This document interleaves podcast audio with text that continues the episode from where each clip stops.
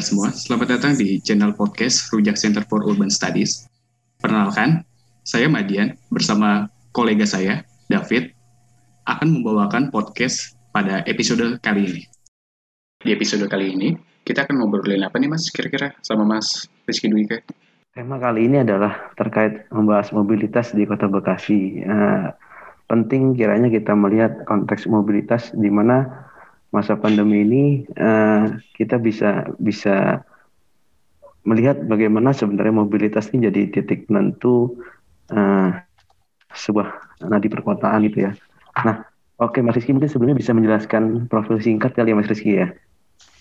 Uh, perkenalkan, nama saya Rizky Dwika. Uh, saya bersama teman-teman komunitas Bangun Kota Bekasi dalam riset kota kita COVID kemarin mengangkat tema tentang milenial kota Bekasi di kala pandemi. Nah, latar belakangnya, kenapa kami mengangkat tema milenial itu sebetulnya karena sampai di bulan Oktober kemarin, di tahun 2020, kasus COVID di kota Bekasi ini cukup unik karena hmm. menjangkit di usia produktif paling banyak, hmm. yaitu rentang usia 20 sampai 59 tahun.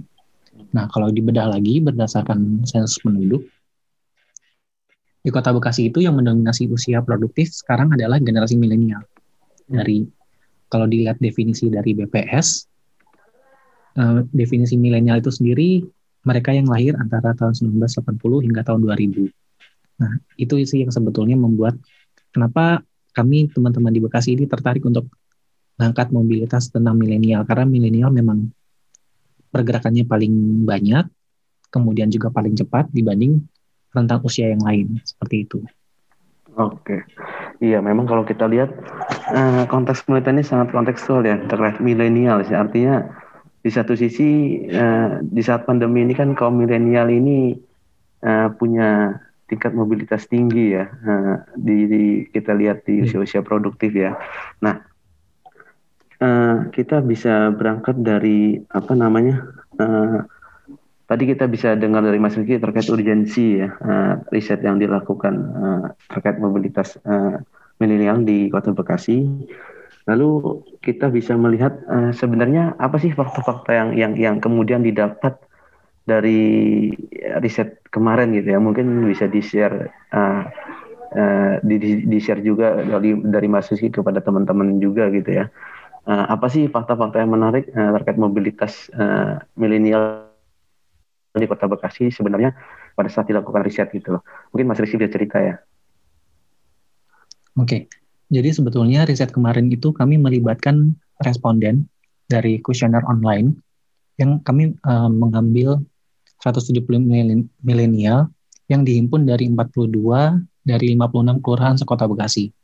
Terdiri atas 85 laki-laki dan 85 perempuan.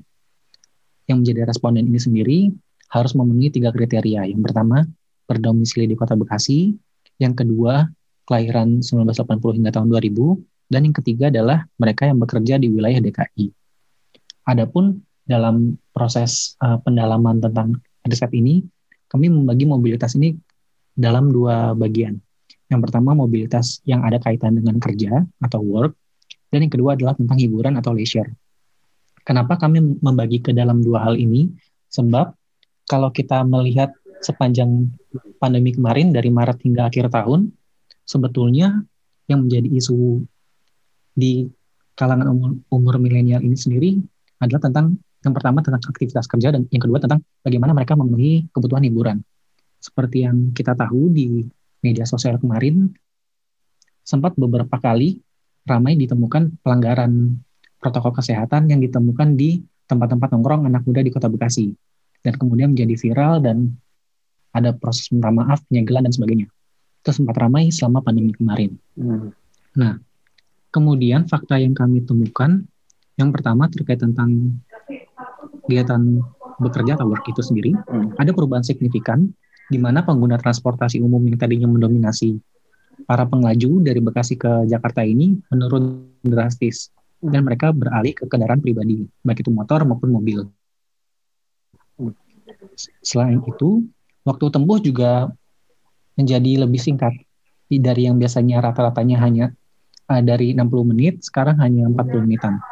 Tapi ketika digali lagi, sebetulnya penduduk Kota Bekasi ini sendiri masih agak takut untuk menggunakan transportasi umum.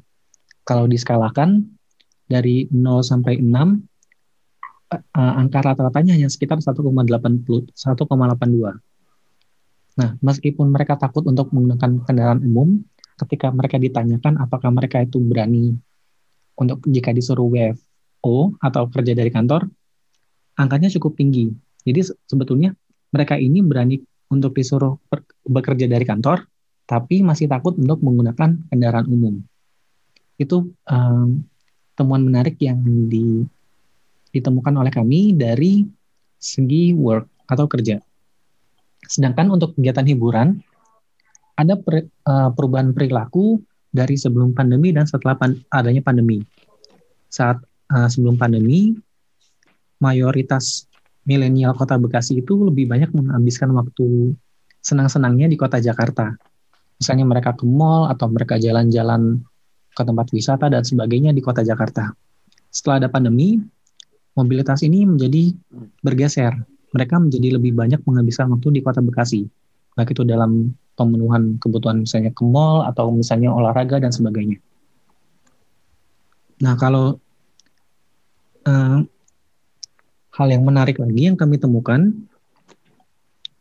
ada pergeseran aktivitas yang biasanya mereka lakukan sebelum pandemi dan saat ada pandemi.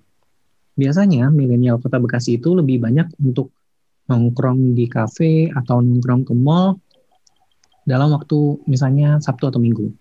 Nah, setelah adanya pandemi ini, kegiatan mereka itu bergeser menjadi kegiatan uh, hiburan di rumah, misalnya kegiatan hobi atau berkumpul dengan keluarga dan sebagainya.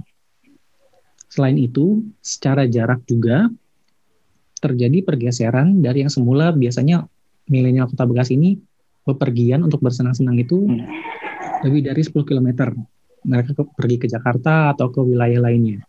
Nah, saat ada pandemi, mobilitas mereka berkisar hanya 0 sampai 5 km. Jadi masih dalam lingkungan rumah mereka saja. Nah, ketika ditanya mereka ketika milenial ini ditanya tentang seberapa beranikah mereka untuk beraktivitas untuk mencari hiburan di luar saat dibandingkan dari angka 0 sangat sangat takut hingga sangat berani 5 rata-rata mereka masih menyatakan masih takut untuk ke pusat perbelanjaan, mereka masih takut untuk nongkrong di kafe atau restoran, dan masih takut untuk olahraga di taman atau ruang publik. Hmm. Jadi sampai sampai riset kemarin berakhir di, di bulan Oktober, penduduk milenial Kota Bekasi masih takut ternyata untuk bisa bepergian keluar dan seterusnya. Mungkin di tahun ini sudah bergeser lagi temuan kami. Mungkin iya. seperti itu. Oke, berarti itu uh, akhiran riset itu Oktober 2020 ya? Iya. Betul. Nah, ini jadi jadi apa ya? Jadi semacam uh, temuan atau fakta menarik bahwa pada dasarnya kita melihat uh, eskalasi mobilitas itu bisa bisa di saat pandemi ini bisa sangat terbaca ya. Uh, bisa berubah. Sebenarnya uh, perilaku di dalam masyarakat. Halo?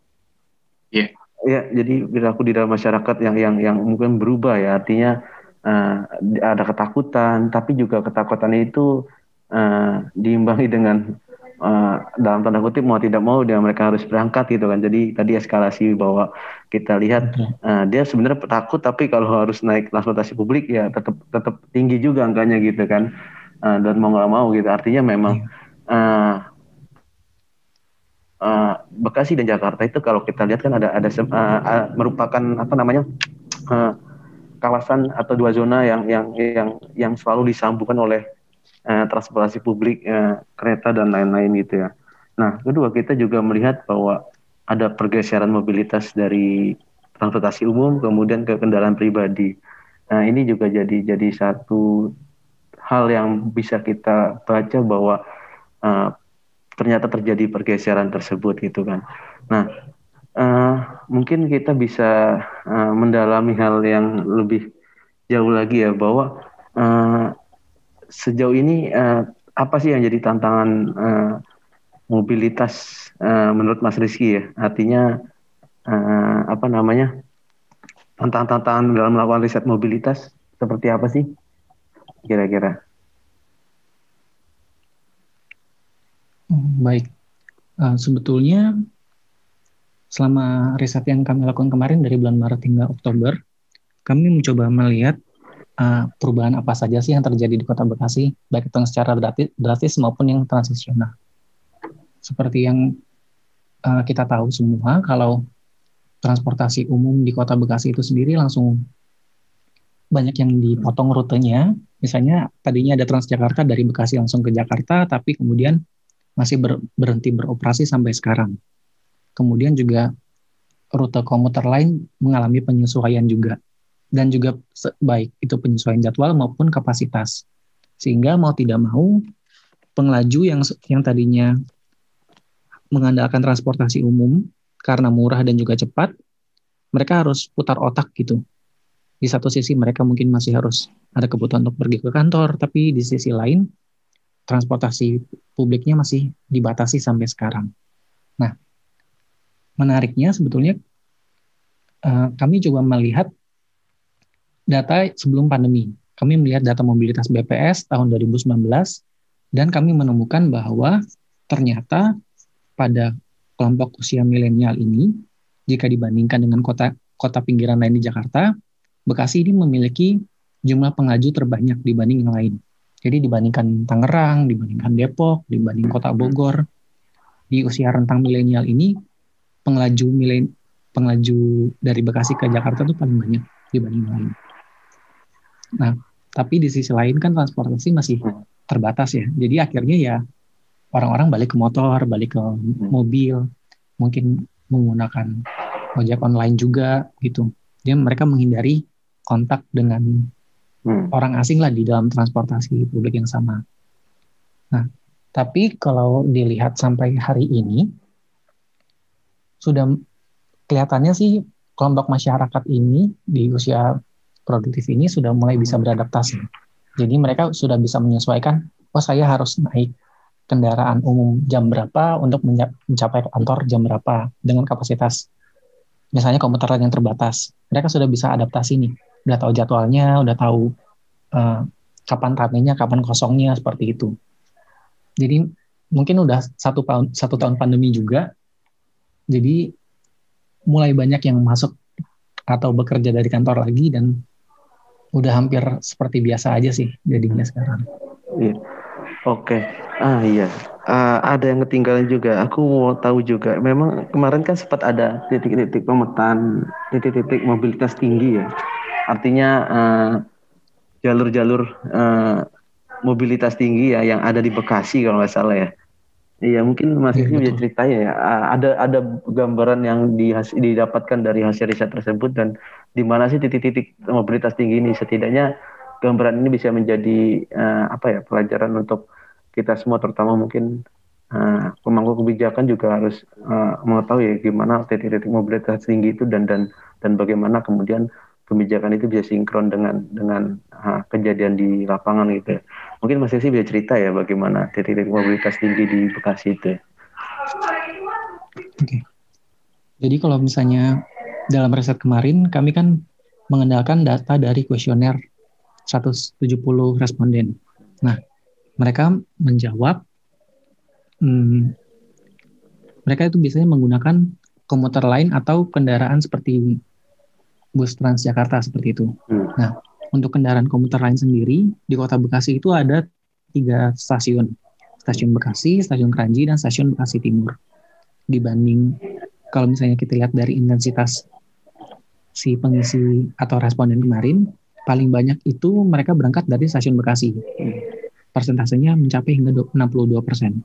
Kemudian stasiun Keranji 22 persen dan stasiun Bekasi Timur.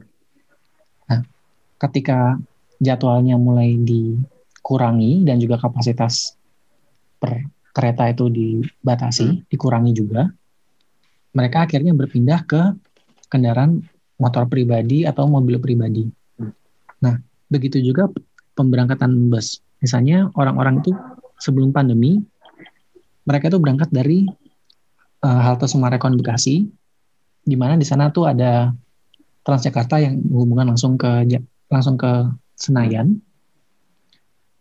Kemudian titik kedua adalah di Harapan Indah. Di sana juga ada Transjakarta yang langsung terhubung ke Pulau Gadung. hingga ke harmoni.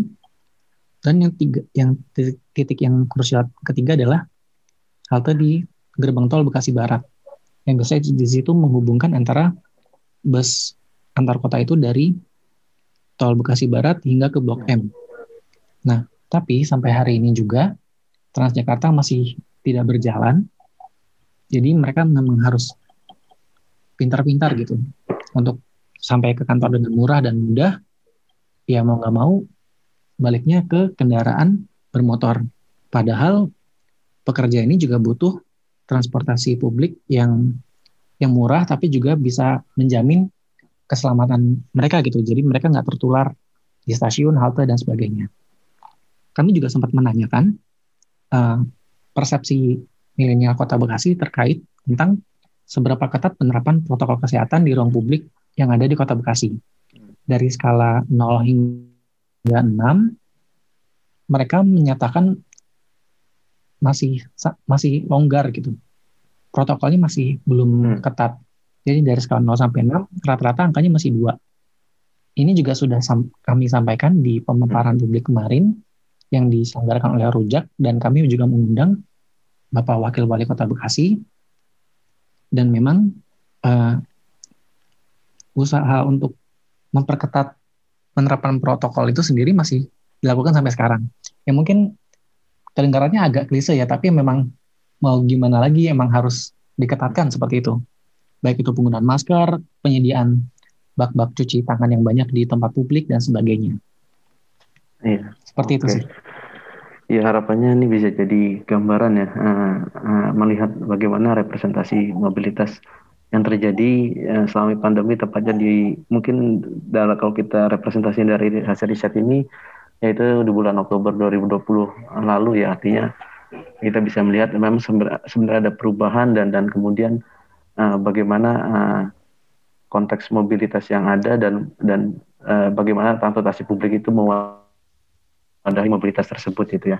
Uh, mungkin uh, dari Madian ada ada tambahan Madian? Uh,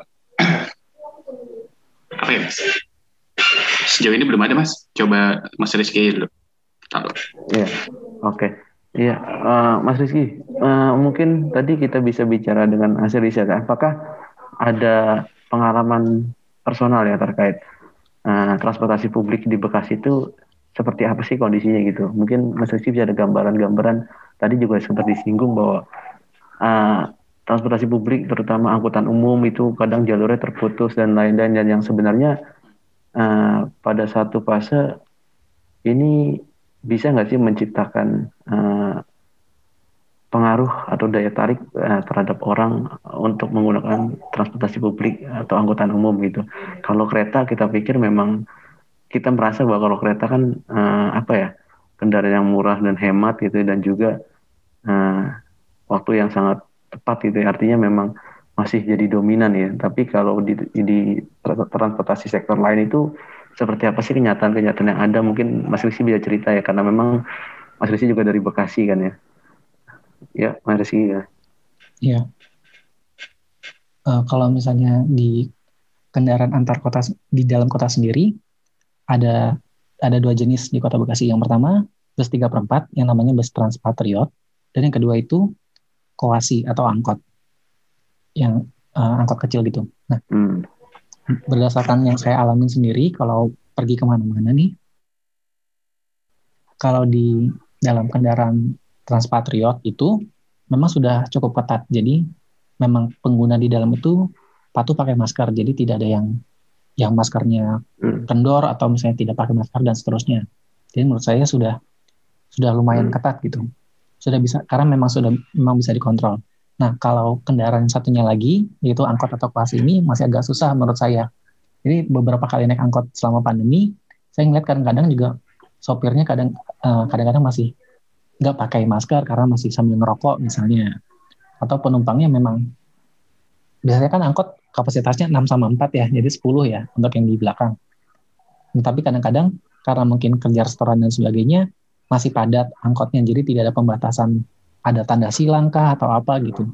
Nah mungkin untuk mengembalikan kepercayaan masyarakat kota untuk pakai transportasi umum di dalam kota Bekasi itu sendiri, yang angkot ini harus di, diketatkan lagi menurut saya gitu. Kadang-kadang saya juga kalau misalnya dari stasiun mau ke rumah, ah daripada naik angkot yang kondisinya kayak gitu, mendingan udah pesan ojek online aja gitu, lebih aman. Seenggaknya kan interaksinya juga lebih sedikit dan juga jaraknya juga ya cuma sama si si pengendaranya aja gitu, nggak kayak di kendaraan hmm. seperti angkot iya. atau taksi. Oke. Okay. Gitu. Nah, Oke, ini benar- aku men- juga pengen nambah sih sebenarnya terkait pengalaman pribadi ya. Aku sering main ke Bekasi gitu ya. Eh, dan dan ada saudara juga di Bekasi ya. Menurut Mas Rizky kan ada kabupaten eh, Bekasi itu ada kota dan juga ada kabupaten ya. Eh, Ya. Kalau dari Jakarta ke Bekasi ke rumah Mas Rizky misalnya, itu bisa nggak sih diakses sepenuhnya oleh transportasi publik tapi di luar Iya. eh, transportasi online tersebut gitu? Hmm, sebenarnya aku juga mau menambahkan hal ini sih. Apakah bisa dikatakan secara sederhana pertanyaan ini apakah transportasi di Bekasi itu sudah terintegritas dengan baik dengan ke masyarakat, apalagi di tingkat lokal ya? Mau menambahkan itu ya sih. Oke. Ah, Nah, mungkin Kalau rumah saya Oh sendiri iya, kan sorry Mas Rizky bentar. lokasinya di dalam kota nih. Iya, silakan Mas. Sorry. sama-sama Mas Rizky nih. Ya, bisa Nah, dilanjut. kalau rumah saya sendiri lokasinya itu di di kota Bekasi, di kotanya.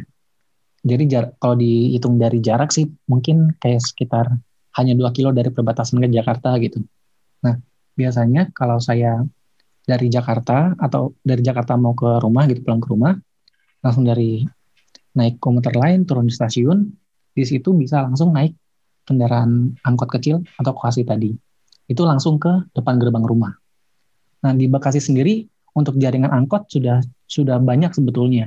Jadi dari stasiun atau atau terminal sudah banyak angkot dengan dengan berbagai rute untuk ke penjuru perumahan di Kota Bekasi. Nah, kalau untuk yang di kabupaten eh, jujur nggak tahu karena memang bukan orang sana dan wilayah kabupaten juga memang sangat luas banget. Tapi mungkin jika dibandingkan antara kota dan kabupaten, sebetulnya di Kota Bekasi ini jaringan transportasi lingkungannya atau angkot itu udah udah sangat banyak dan mereka langsung menghubungkan ke tempat-tempat strategis di Kota Bekasi, misalnya ke stasiun, kemudian juga ke tempat perbelanjaan atau atau misalnya ke daerah-daerah perkantoran yang ada di Kota Bekasi. Jadi kalau dibilang eh, cukup terintegrasi, cuma memang kualitas dari kendaraan umumnya itu sendiri yang harus diperbaikin sih. Iya. Kurang lebih seperti itu. Oke, baik, baik. Mungkin dari tadi kita ngomongin tentang mobilitas ya. Nah, kemudian mungkin sekarang pertanyaannya, aku pengen nanya tentang ini sih, terkait, kan tadi penelitian tentang work and leisure ya, artinya bekerja dan juga tentang hiburan dan segala macam.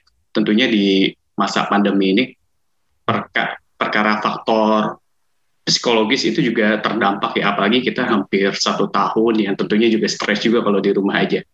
Nah, itu untuk kondisi saat ini tersendiri di Kota Bekasi berdasarkan pengalaman dari Mas Rizky Dwika itu gimana sih Mas sekarang pola atau mo- mobilitas si penduduk Bekasi sendiri ini di ruang publik, di mall segala macamnya itu konteks dan konteks sosialnya dan juga kebijakan apa sih upaya-upaya apa dari pemerintah saat ini pemerintah Kota Bekasi itu saat ini gimana sih Mas kalau dari pengalamannya Mas Rizky Dwika? Jadi kalau yang saya yang saya rasain selama ini, misalnya sebelum ada pandemi nih, Bekasi itu suka mengadakan eh, hari bebas kendaraan bermotor atau Car Free Day di jalan protokolnya Jalan Ahmad Yani. Nah, tapi ketika ada pandemi sampai hari ini kegiatan CFD itu ditiadakan. Nah, meski demikian, karena di kawasan CFD itu ada arena olahraga, ada hutan kota seperti itu, hutan kota itu nggak ditutup. Jadi publik itu masih bisa berolahraga di situ. Iya, iya. Jadi sampai dan itu nggak cuma di Sabtu Minggu. Ketika saya pergi sore-sore di hari kerja, ternyata kawasan situ juga ramai sama pengunjung. Ada yang uh, main bola, ada juga anak-anak yang yang jogging atau pokoknya segala macam kegiatan kota. Akhirnya karena nggak ada CFD, mereka larinya ke taman-taman kota. Iya. Nah, meskipun jumlah taman di kota Bekasi itu sendiri masih terbatas. Nah, untuk yang di pusat perbelanjaan atau mall, sampai sekarang sih sudah mulai ramai, tapi memang uh, apa ya agak dile, agak dilematis juga mungkin ya iya. karena kalau misalnya dibatasi dibatasi pengunjungnya seperti yang awal pandemi juga hmm. agak susah karena sekarang antusiasme warga untuk pergi ke mall atau makan di luar tuh sudah sudah tinggi lagi gitu tinggi. karena jenuh juga kali ya ah. ya karena mereka jenuh udah lama di rumah terus ya udah sesekali makan di luar makan di makan di mall atau di restoran atau di kafe gitu dan tapi untuk protokolnya sendiri ya mungkin hanya terbatas pada meja yang disilang-silangin aja sih gitu. Iya oke okay, oke. Okay. nah. Meja meja yang disilang-silangin ya masih tadi ya? Nggak iya. nggak sesepi yang awal pandemi banget gitu. Iya, saya pernah ketika, tuh bulan Agustus iya. jalan-jalan ke mall terus hmm. lihat wah mallnya sepi banget gitu. Salah satu mall mall besar lah di kota Bekasi terus hmm. kondisinya sepi. Nggak nggak seperti biasanya gitu tapi sekarang sekarang ini mah udah udah balik lagi sih gitu. udah terlalu bosen sama pandemi mungkin kalau nah. mejanya disilangin tetap dipakai yang sih silangin silangin kadang-kadang kalau keluarga sendiri ya mau mau dipakai sih oke okay. meja untuk kapasitas 4 tapi ini silang dua Iya. Tetap aja. Iya. Nah, dari tadi kan kita sudah ngomongin tentang fakta-fakta apa yang ditemuin saat riset dari Mas Rizky Dwika, di mana bahwa ada perubahan mobilitas dan perilaku dari milenial khususnya ya. Nah, kemudian dari sisi pemerintahan tersendiri, menurut Mas Dwika nih, tentunya kan di masa pandemi ini kekurangan atau bahkan borok-borok dari kebijakan yang kurang lah atau misalnya dari segi transportasi lah bahwa transportasinya jadi dirasa ada kurangnya nih atau ruang publik ada kurangnya nih. Nah, pada saat ini tuh ada gak sih Mas da dari pemerintah Kota Bekasi itu sendiri atau inisiatif ingin ada perubahan? Misalkan kayak kalau di Jakarta contohnya misalkan dari sisi transportasi udah dibangun, mulai dibangun jalur sepeda segala macam atau bahkan jalur transportasi yang terintegritas segala macam. Nah, dari pihak pemerintah Kota Bekasi sendiri, menurut pandangan Mas Rizky ini, ada gak sih inisiatif inisiatif untuk perubahan ke depannya? Kalau kalau selama pandemi kemarin uh, di di bulan apa ya? Saya agak lupa. Tapi uh, pemerintah Kota Bekasi itu menggalakkan kegiatan namanya RW siaga. Hmm. Jadi dengan pancingan lomba gitu dalam tanda petik ada lomba. Jadi RW RW itu disuruh inisiatif atau bikin bikin sesuatu gitu untuk lingkungan mereka masing-masing dengan pancingan hadiah. Nah itu menurut saya itu jalan sih. Jadi ada RW yang kemudian mengembangkan biasanya uh, lingkungan tinggalnya jadi tempat untuk pertanian, hmm. ada yang untuk misalnya taman lingkungan, ada yang larinya ke pariwisata. Misalnya ada satu RW di Bekasi Utara yang di situ mayoritas penduduknya pendatang dari Bali. Nah, kemudian oleh mereka diolah menjadi desa wisata gitu. Jadi ada kayak yeah. Bali kecil di Kota Bekasi gitu. Nah, itu akhirnya dari inisiatif warga itu sendiri dilirik sama pemerintah kota dan memang kemudian dipersiapkan menjadi kawasan wisata. Nah, selain itu juga kelihatannya pemerintah Kota Bekasi ini sendiri sudah uh, apa ya selama pandemi ini menggali potensi wisata-wisata outdoor yang dia punya gitu. Jadi selama pandemi ini wisata seperti hutan kota bambu itu digalakan untuk dibuka buat publik. Jadi mereka bisa berkegiatan di luar ruang seperti itu. Ada kemudian wisata curug juga, ada wisata situ juga atau danau. Jadi sebisa sebanyak mungkin mulai dibuka di tempat-tempat yang outdoor karena untuk mungkin menghindari apa ya kalau di indoor kan risikonya mungkin lebih besar gitu ya jadi sudah sudah mulai kelihatan langkah-langkahnya untuk jalur sepeda sendiri di kota Bekasi juga mulai dibuat tapi baru di jalan protokolnya aja nih jadi belum sampai mm-hmm. sepanjang kayak di kota-kota lain gitu mm. jadi mungkin baru sekitar 2 sampai tiga kilometer lah iya, iya. oke gitu. oke Oke, jadi sebenarnya dari pemerintah Kota Bekasi sendiri juga ada inisiatif yang ingin melakukan perubahan dan segala macamnya, bahkan mendukung kemandirian dari masyarakat sendiri ya. Nah, dari Mas Rizky Dwika sendiri, harapan apa sih atau punya pandangan ke depan apa sih tentang kota Bekasi ke depannya nih setelah pandemi ini ter setelah pandemi ini berakhir? Uh, mungkin ini harapan pribadi sekaligus uh, ngerangkum sebetulnya dari aspirasi responden yang kami dapat kemarin. Hmm. Jadi saat ada pandemi, mereka itu berharap yang pertama, Bekasi itu butuh ruang terbuka yang banyak dan juga aman untuk mereka. Yang kedua, penegakan aturan protokol kesehatannya itu harus dikencengin banget. Jadi ketika orang udah patuh pakai masker, udah patuh misalnya jaga jarak dan sebagainya, orang jadi berani untuk berkegiatan. Yang ketiga, kebersihan kota itu harus ditingkatkan lagi. Karena memang penyakit ini kan atau pandemi ini kan sumbernya dari kebersihan ya, yeah. kebersihan pribadi maupun lingkungan sekitar.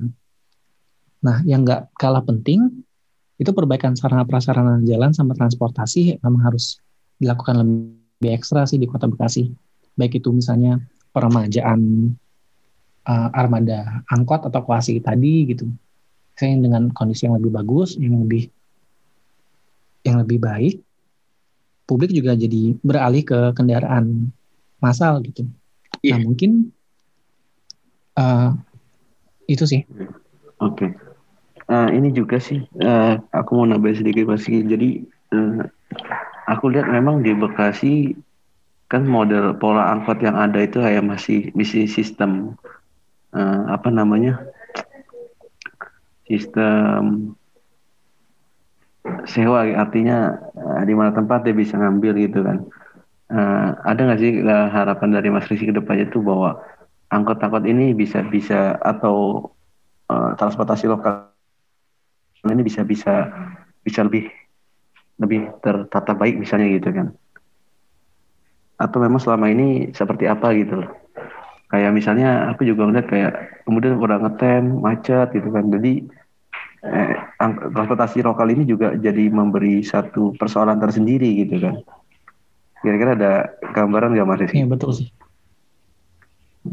Sebelumnya, sebetulnya dari sebelum pandemi pun, uh, kalau saya pribadi ngeliat kondisi angkot atau pasti di kota Bekasi udah udah miris juga sih. Karena misalnya dari rumah saya ke stasiun jaraknya sekitar 2 sampai dua setengah kilo, hmm. harusnya bisa ditempuh 10 menit pakai motor. Tapi kalau pakai kendaraan kayak klasi atau angkot tadi itu bisa sampai setengah hmm. jam karena kelamaan ngetem dan sebagainya. Padahal secara tarif juga nggak beda jauh misalnya antara ojol sama angkutan angkutan umum. Memang harus di pengennya sih bisa bisa di take over sama pemerintah hmm. kota atau atau misalnya di diremajakan hmm. sistemnya. Jadi nggak nggak sistem kerja iya. restoran dan lain-lain. Tapi memang seperti itu memang udah masalah agak pelik hmm. sih.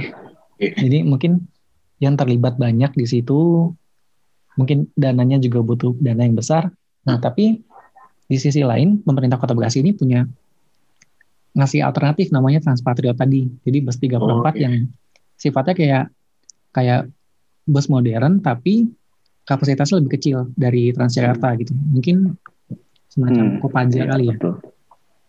Kopaja yang iya. baru Jakarta itu. Nah, tadinya ada tiga rute, tapi setelah ada pandemi ini, dua rutenya justru dipotong. Saya juga bingung sih. Jadi oh. tinggal satu rute doang. Iya, iya. Iya, menarik sih memang. Ya karena ketika ketika pemerintah kota ngasih alternatif, pasti kan di bawah ada, hmm. saya nggak tahu ya maksudnya ada penolakan kah dari iya, iya. yang punya jalur atau punya rute sebelumnya gitu kan? Agak agak kompleks juga sih jadi iya. jatuhnya. Iya, jadi menarik juga sih. Jadi kalau kita lihat ada di eh, Jakarta itu kan ada angkat-angkat kecil kayak Jaklingko hmm. gitu kan, dan kadang hmm. mereka kan harus berhenti di titik-titik yang sudah ditentukan aja gitu kan. Jadi kedua mereka nggak nggak nggak mengejar sistem restoran itu dan lain-lain yang akhirnya hmm. Ini yang menjadi satu persoalan tersendiri ya. Mungkin uh, kalau bisa begitu mungkin lebih baik lagi kalau take over oleh pemerintah gitu ya. Ada pola yang tercipta kemudian ya. Cuma memang uh, perlu kemauan yang tinggi gitu mereka kalau bergerak ke situ sebenarnya. Dan itu bisa juga harusnya ya. Nah terus ini juga apa uh, sejauh ini memang ruang terbuka yang terjadi di Bekasi itu kayak apa sih Mas Rizky? Kalau boleh cerita yang selama tinggal di sana gitu selama ini diwadahi oleh di mana aja sih ya ruang-ruang terbuka itu sebenarnya gitu. Kalau kita lihat jalur di Bekasi itu kan kayak uh, agak sulit itu menemukan ruang terbuka di sepanjang jalan. kalau misalnya kita dari Bekasi apa namanya ya, Bekasi kok kesannya, kok kesannya kayak sulit banget mas? Iya Bekasi Kabupaten itu agak iya, susah yeah. nemuin loh. Jadi semuanya tuh kayak hampir udah keisi semua ruang gitu loh kayak bangunan Mas semua. Rizky Mas Rizky juga bisa cerita sebenarnya ruang terbuka itu seperti apa sih yang ada dan dan selama ini yang dinikmati oleh warga tuh hmm. seperti apa gitu representasinya misalnya di kalau di stadion kan mungkin ramai kali ya gitu ya hmm. ruang terbukanya Nah hmm. ini iya. soal ini juga terkait sama nah, gini. Kalau kalau se ya. ya. Gimana Madian? Enggak, enggak, lanjut, lanjut, lanjut. Eh, lanjut, Mas Rizky gimana? Iya, Mas Rizky. Oh gini, kalau yang di kabupaten sih memang agak agak ini sih, karena kan di Kabupaten Bekasi kebanyakan itu daerah-daerahnya dibangun sama developer ya, developer besar hmm. yang di sekitar Cikarang dan lain-lain. Yeah. Jadi saya sih kurang tahu kalau di sana pemerintah kabupaten itu seaktif apa untuk membuat atau memfasilitasi ruang terbuka di wilayah mereka. Tapi untuk di Kota Bekasi sendiri, yang saya rasakan sih memang untuk dari dari pemerintah kotanya itu menyediakan ruang-ruang terbuka, tapi masih di kawasan pusat-pusatnya mereka aja gitu. Jadi misalnya di kawasan kantor wali kota, di situ ada hutan kotanya, hmm. atau di alun-alunnya itu masih ada area-area terbuka untuk bisa dipakai olahraga. Atau yang kedua, developer. Developer itu banyak menyediakan ruang-ruang terbuka juga. Misalnya di Sumarekon Bekasi itu ada danaunya, ada ada area tamannya dan sebagainya. Di Kemang Pratama juga gitu. Hmm. Kan mereka selain perumahan, tapi ada area-area ada taman-taman lingkungannya lah gitu. Jadi yang menyiapkan itu dari developer. Nah, tapi kalau beberapa tahun ini hmm. pemerintah Kota Bekasi ini justru giat membuka atau apa ya ngebenerin lah dalam tanda petik kawasan-kawasan yang yang tadinya nggak nggak nggak bagus tapi bisa di dijadiin tempat pariwisata gitu. Hmm. Misalnya ada ada Curug Parigi. Memang curugnya itu udah lama tapi dalam selama pandemi ini hmm. dia tuh dibangun fasilitasnya jadi ada jalan dari hmm. luar sampai ke dalam, ada tempat eh, tempat-tempat food courtnya, ada tempat untuk istirahatnya dan lain-lain yeah. gitu. Jadi hmm. potensi-potensi alam itu sih yang digali yeah. yang saya lihat. Iya. Saya juga baru tahu tuh ada di juga kaget juga sih kayak. Hmm. Iya. Yeah. Iya. Iya, saya juga baru tahu juga tuh di Bekasi ada curug. Jadi saya kira cuma bangunan aja ya. oh, oke. Okay. Iya. Yeah. Iya, ini jadi info agak juga di selatan ya. sih, agak ke daerah-daerah Narogong gitu sih. Hmm, iya, di situ kan ada misalnya aliran sungai Cikeas, terus ada juga setu-setu ada di situ. Hmm, ada setu iya. atau danau yang tadinya kotor atau gimana lah kondisinya, terus sekarang udah mulai diperbaiki. Jadi ada saung-saungnya, orang bisa makan atau atau nongkrong hmm. di pinggir danau gitu. Iya. Berarti udah Jadi ada etikat baik ya. Yang di, difasilitasi sama pemerintah kota udah udah lumayan sih sebetulnya. Hmm. Cuma hmm. memang secara jumlah masih kurang menurut saya. Hmm. Paling ya okay. kalau kami orang yang tinggal di di dalam perumahan gitu misalnya, ya kami akhirnya ke taman yang ada di perumahan atau taman yang ada di yeah. RW gitu sih. Hmm. itu juga jadi catatan juga ya kadang-kadang ada taman-taman perumahan yang kadang-kadang kita mau masuk kayak sungkan gitu nggak enak gitu. Diusir dulu sama satpam ya. Iya, tamannya dekat perumahan. Lu mau ngapain lu bukan hunian sini? ya kalau kita lihat ya misalnya di, di di Harapan Indah itu kan kayak jalan tapi sebenarnya rindang gitu ya.